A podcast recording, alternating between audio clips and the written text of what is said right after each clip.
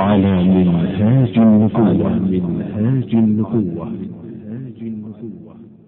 عن أبي جمرة قال كنت أترجم بين يدي عبد الله بن عباس وبين الناس فأتته امرأة تسأله عن نبيذ الجر فقال إن وفد عبد القيس أتوا رسول الله صلى الله عليه وسلم. فقال رسول الله صلى الله عليه وسلم من الوفد أو من القوم؟ قالوا ربيع. قال مرحبا بالقوم أو بالوفد غير خزايا ولا ندامة فقالوا يا رسول الله إنا نأتيك من شقة بعيدة وإن بيننا وبينك هذا الحي من كفار مضر. وإنا لا نستطيع أن نأتيك إلا في شهر الحرام. فمرنا بأمر فصل نخبر به من وراءنا وندخل به الجنة. قال فأمرهم بأربع ونهاهم عن أربع. قال أمرهم بالإيمان بالله وحده.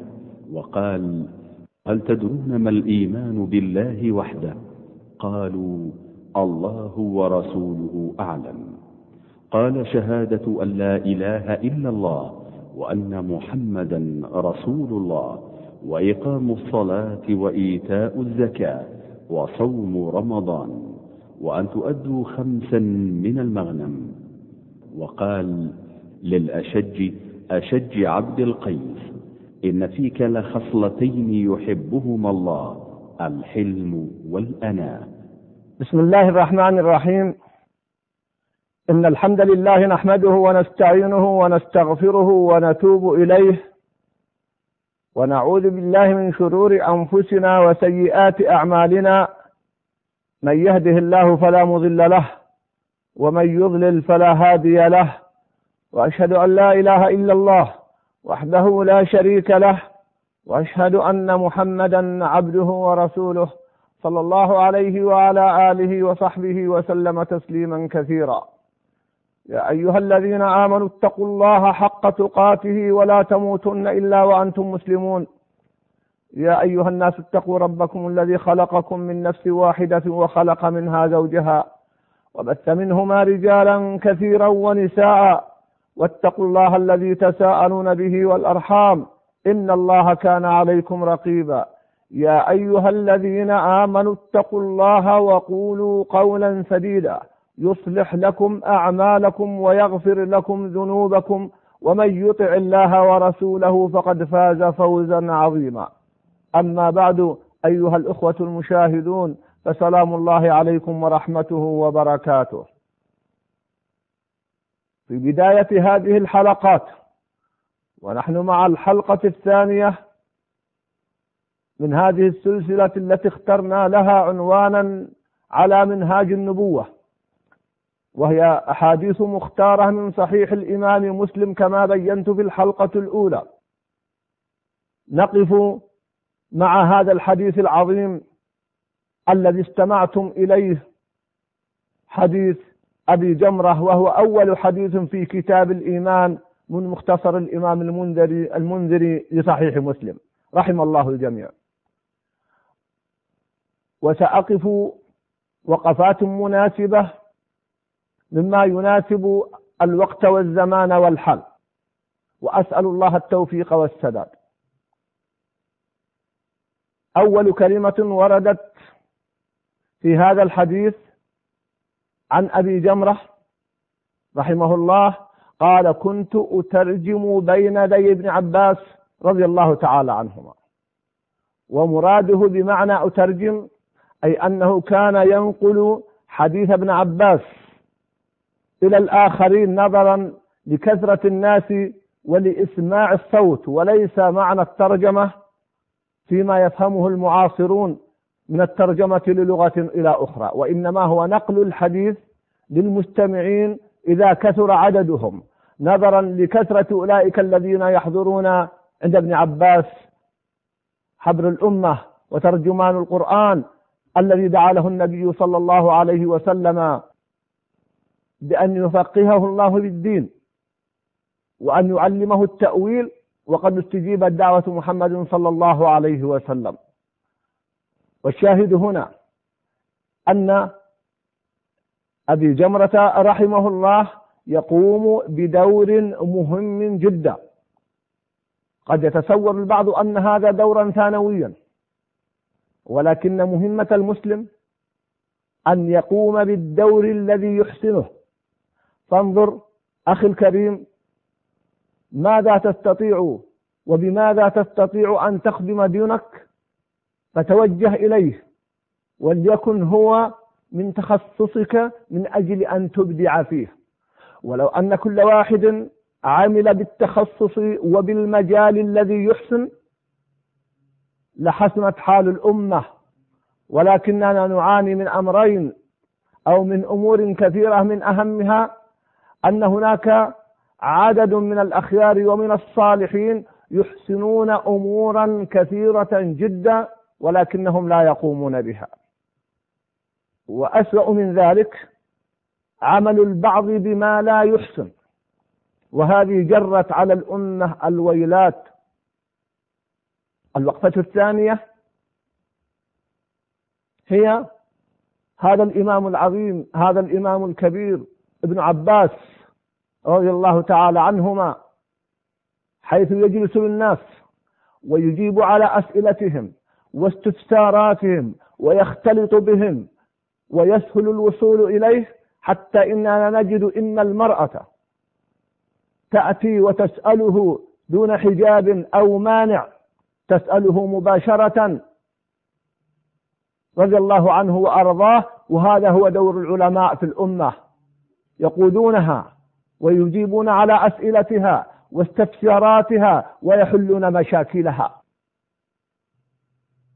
الوقفة الثالثة هي هذه المرأة التي جاءت تسأل عن أمر دينها. ولذلك كما نلحظ في هذا الحديث تسأله عن نبيذ الجر. وهكذا هكذا التفقه في الدين على الرجال والنساء.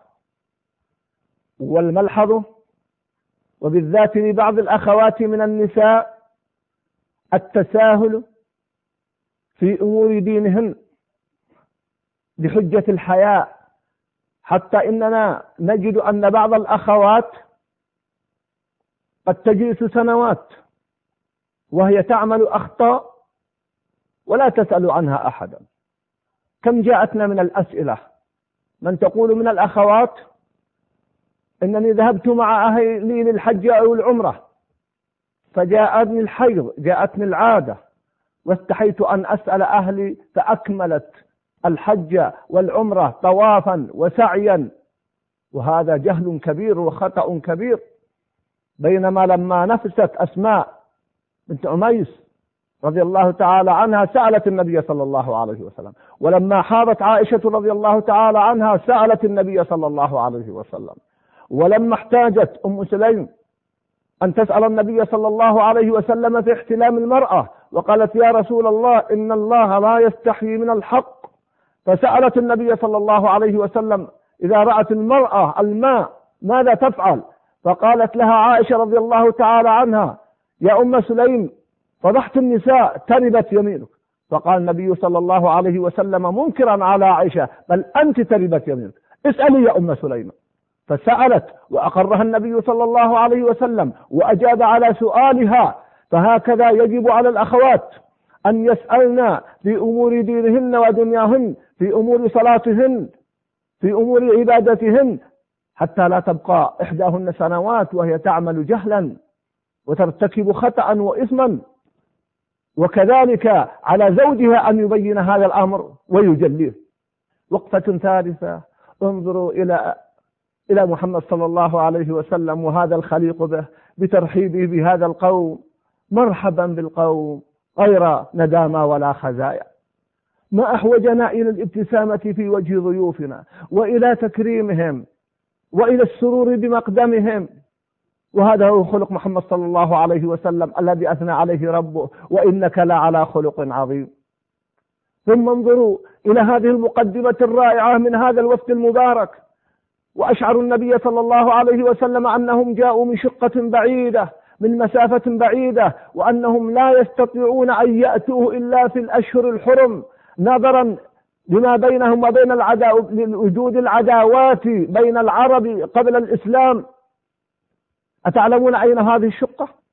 إنها في منطقة نجد. جاءوا إلى النبي صلى الله عليه وسلم بالمدينة. انظروا إلى ذاك الواقع. وانظروا ماذا حدث بعد ذلك من الأمن والأمان في عهد رسول الله صلى الله عليه وسلم. حتى أصبح الراكب يسير من صنعاء إلى حضرموت لا يخاف إلا الله والذئب على غنمه. بل تسير الضعينة من بغداد إلى المدينة بل إلى مكة آمنة مطمئنة. وكذلك انظروا إلى حالنا وفي واقعنا. عاشت بلادنا شيئا من الخوف سنوات. والآن ترفل والحمد لله بالأمن يستطيع الواحد منا أن يركب سيارته ومعه أهله ويقطع المملكة شمالا وجنوبا شرقا وغربا وهو آمن على نفسه وعلى أولاده. انظروا إلى نعمة الأمن وكيف يجب أن نحافظ عليها وأن لا نفرط بها. إنها والله نعمة عظيمة. لم يقدر كثير من الناس قدرها. بل هناك من يريد أن يخربوا بيوتهم بأيديهم. إن نعمة الأمن نعمة عظيمة وهي قرينة نعمة الأمن قرينة لنعمة رغد العيش والخوف قرين للجوع. وضرب الله مثلا قرية كانت آمنة مطمئنة يأتيها رزقها رغدا من كل مكان فكفرت بأنعم الله فأذاقها الله لباس الجوع والخوف بما كانوا يصنعون. ثم نجد أن النبي صلى الله عليه وسلم يقول من القوم؟ وهنا على من أتاه ضيوف. أو من لا يعرفهم أن يسألهم ولا حرج في ذلك ولا غضاضة بعض الناس إذا اتصل بك وقلت له من الأخ من المتصل؟ أو طرق بابك وقلت من فلان؟ غضب وتأثر لا يا أخي الكريم محمد صلى الله عليه وسلم يسأل ويجيبون ويسأل ويجيب صلى الله عليه وسلم كما في قصة المرأة في قصة الحج. لنشرح صدورنا للناس. ولتتسع صدورنا لأسئلتهم واستفساراتهم. هكذا هو خلق محمد صلى الله عليه وسلم. ثم نجد أن النبي صلى الله عليه وسلم أجابهم إجابات مختصرة. لما سألوه عن الإيمان أجابهم بإجابات تناسب حالهم فأمرهم بأربع ونهاهم عن أربع. وركز صلى الله عليه وسلم على الإجابات التي تناسب حالهم. ولذلك مع أنه أجاب صلى الله عليه وسلم لما سألوه عن الإيمان قال فيه كما في هذا الحديث الصحيح وشهادة أن لا إله إلا الله وأن محمد رسول الله إلى آخر الحديث كما استمعتم؟ وقد يسأل سائل أليس هذا هو الإسلام؟ نقول هناك قاعدة شرعية ذكرها العلماء أن الإيمان والإسلام إذا اجتمعا افترقا وإذا افترقا اجتمعا. فإذا جاء الإيمان وحده أو الإسلام وحده فالمراد به الإيمان والإسلام. أما إذا جاء الإسلام والإيمان في مقام واحد فيراد بالإيمان أن تؤمن بالله وملائكته وكتبه ورسله واليوم الآخر وبالقدر خيره وشره. والإسلام هو الأركان الخمسة المعروفة. كما أشار إليها في هذا الحديث. ثم نجد من تلك الوقفات أن النبي صلى الله عليه وسلم كما في حديث أبي سعيد الخدري وهو حديث آخر سألهم عن النقيض أو المقير. فقالوا يا رسول الله وما علمك بالنقيض؟ لأنه ليس معروفا بالمدينة. فوصفه لهم رسول الله صلى الله عليه وسلم وصفا دقيقا. والشاهد من هذا أن الداعية يجب أن يلم بحال المدعوين. وأن الداعية إذا جاءه وفد من شقة بعيدة أن يعرف حال هذا الوفد. وهكذا كان صلى الله عليه وسلم. إذا جاءه بعض القوم كلمهم بلغتهم. إذا جاءه بعض القوم سألهم عن حالهم. هذا فيه تلطف وفيه إشاعة للفرحة. لأن النبي صلى الله عليه وسلم يعرف حالهم. ويعرف ما يعيشون. هكذا هو الداعية في كل زمان ومكان. وهكذا كان صلى الله عليه وسلم وهو قدوتنا في هذا المجال وفي غيره. ونحن نتحدث عن منهاج النبوة بمعناه الشامل الكامل. أيضا نجد من تلك الوقفات المهمة في هذا الجانب أن النبي صلى الله عليه وسلم قال احفظوه وأخبروا به من وراءكم. وهذا دليل على أن كل من تعلم شيئا كل من تعلم شيئا يجب أن يبلغه. ولو آية. يقول صلى الله عليه وسلم بلغوا عني ولو آية. الأمة الآن كثر قراؤها. خرجت الجامعات عشرات بل مئات الآلاف. فهل قاموا بالواجب الشرعي تجاه ما تعلموا رجالا ونساء؟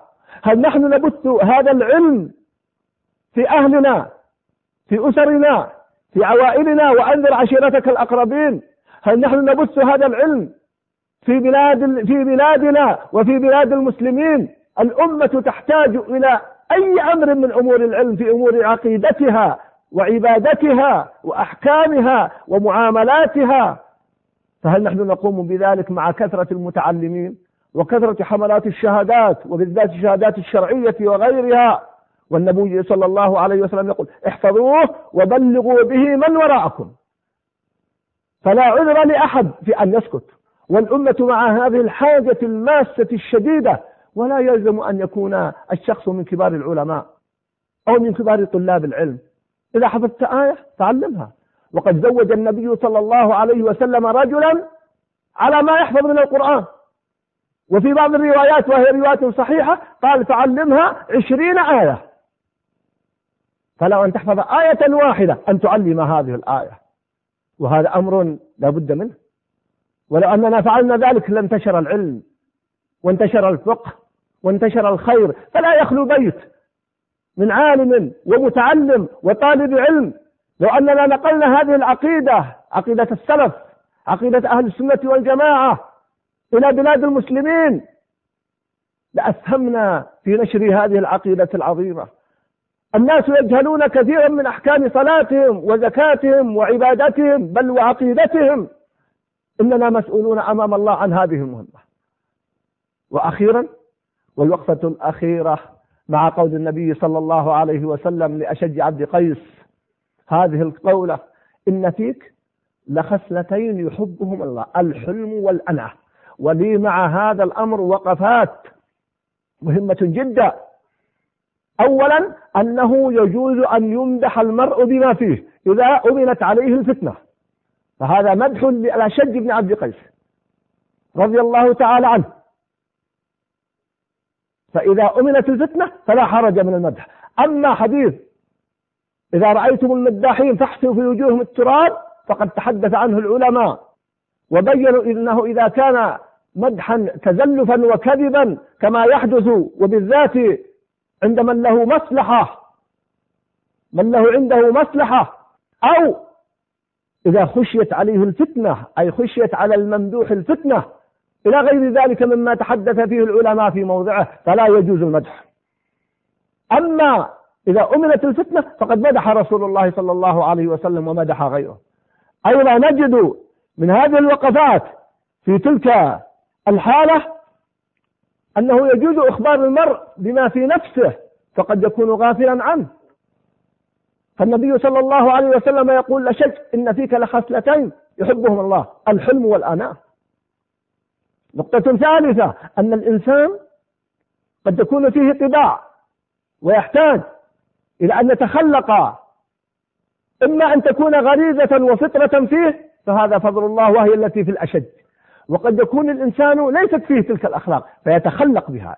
ولذلك في بعض روايات الحديث أن الأشد قال للنبي صلى الله عليه وسلم يا رسول الله أهما خصلتان جبلت عليهما أو تخلقت بهما. فأقره النبي صلى الله عليه وسلم على هذا القول. بعض الناس يقول إنه يصعب تغيير الأخلاق وهذا قول خاطئ. نعم إنما الحلم بالتحلم وإنما العلم بالتعلم ومن يصطبر يصبره الله. بمعنى أن الإنسان لو كان غضوبا يمكن أن يصبح حليما. لو كان بخيلا يمكن أن يصبح كريما. والدليل على ذلك أن الأحنف بن قيس الذي ضرب فيه المثل قيل له من أين تعلمت الحلم؟ فأجاب إجابة عجيبة قال تعلمت الحلم من عين. قال إنني تعلمته من قيس بن عاصم المنقري رضي الله تعالى عنه وذكر قصة أختم بها هذا الحديث. قال كان عاصم بن قيس يقول الأحنف إني تعلمت منه لأنه كان جالسا بفناء داره محتبيا بحمائل سيفه يحدث قومه إذ أتي برجل مكتوف وبرجل مقتول فقيل هذا ابن أخيك قتل ابنك. يقول فوالله ما حل حبوته ولا قطع كلامه مع أن الأمر عظيم. فلما انتهى التفت إلى ابن أخيه فقال يا ابن أخي بئس ما فعلت أثمت بربك وقطعت رحمك وقتلت ابن عمك ورميت نفسك بسهمك. ثم قال لابن له آخر قم يا بني فواري أخاك وحل كتاب ابن عمك وسق إلى أمك مئة ناقة من الإبل فإنها غريبة. قال فتعلمت منه الحلم فأصبح الأحنف مضرب المثل في الحلم في حلم أحنف في ذكاء إياسي. نسأل الله جل وعلا أن يجعلنا من أولئك. وأن نستفيد من هذا العلم. أقول قولي هذا وأستغفر الله لي ولكم وصلى الله وسلم على نبينا محمد. والسلام عليكم ورحمة الله وبركاته.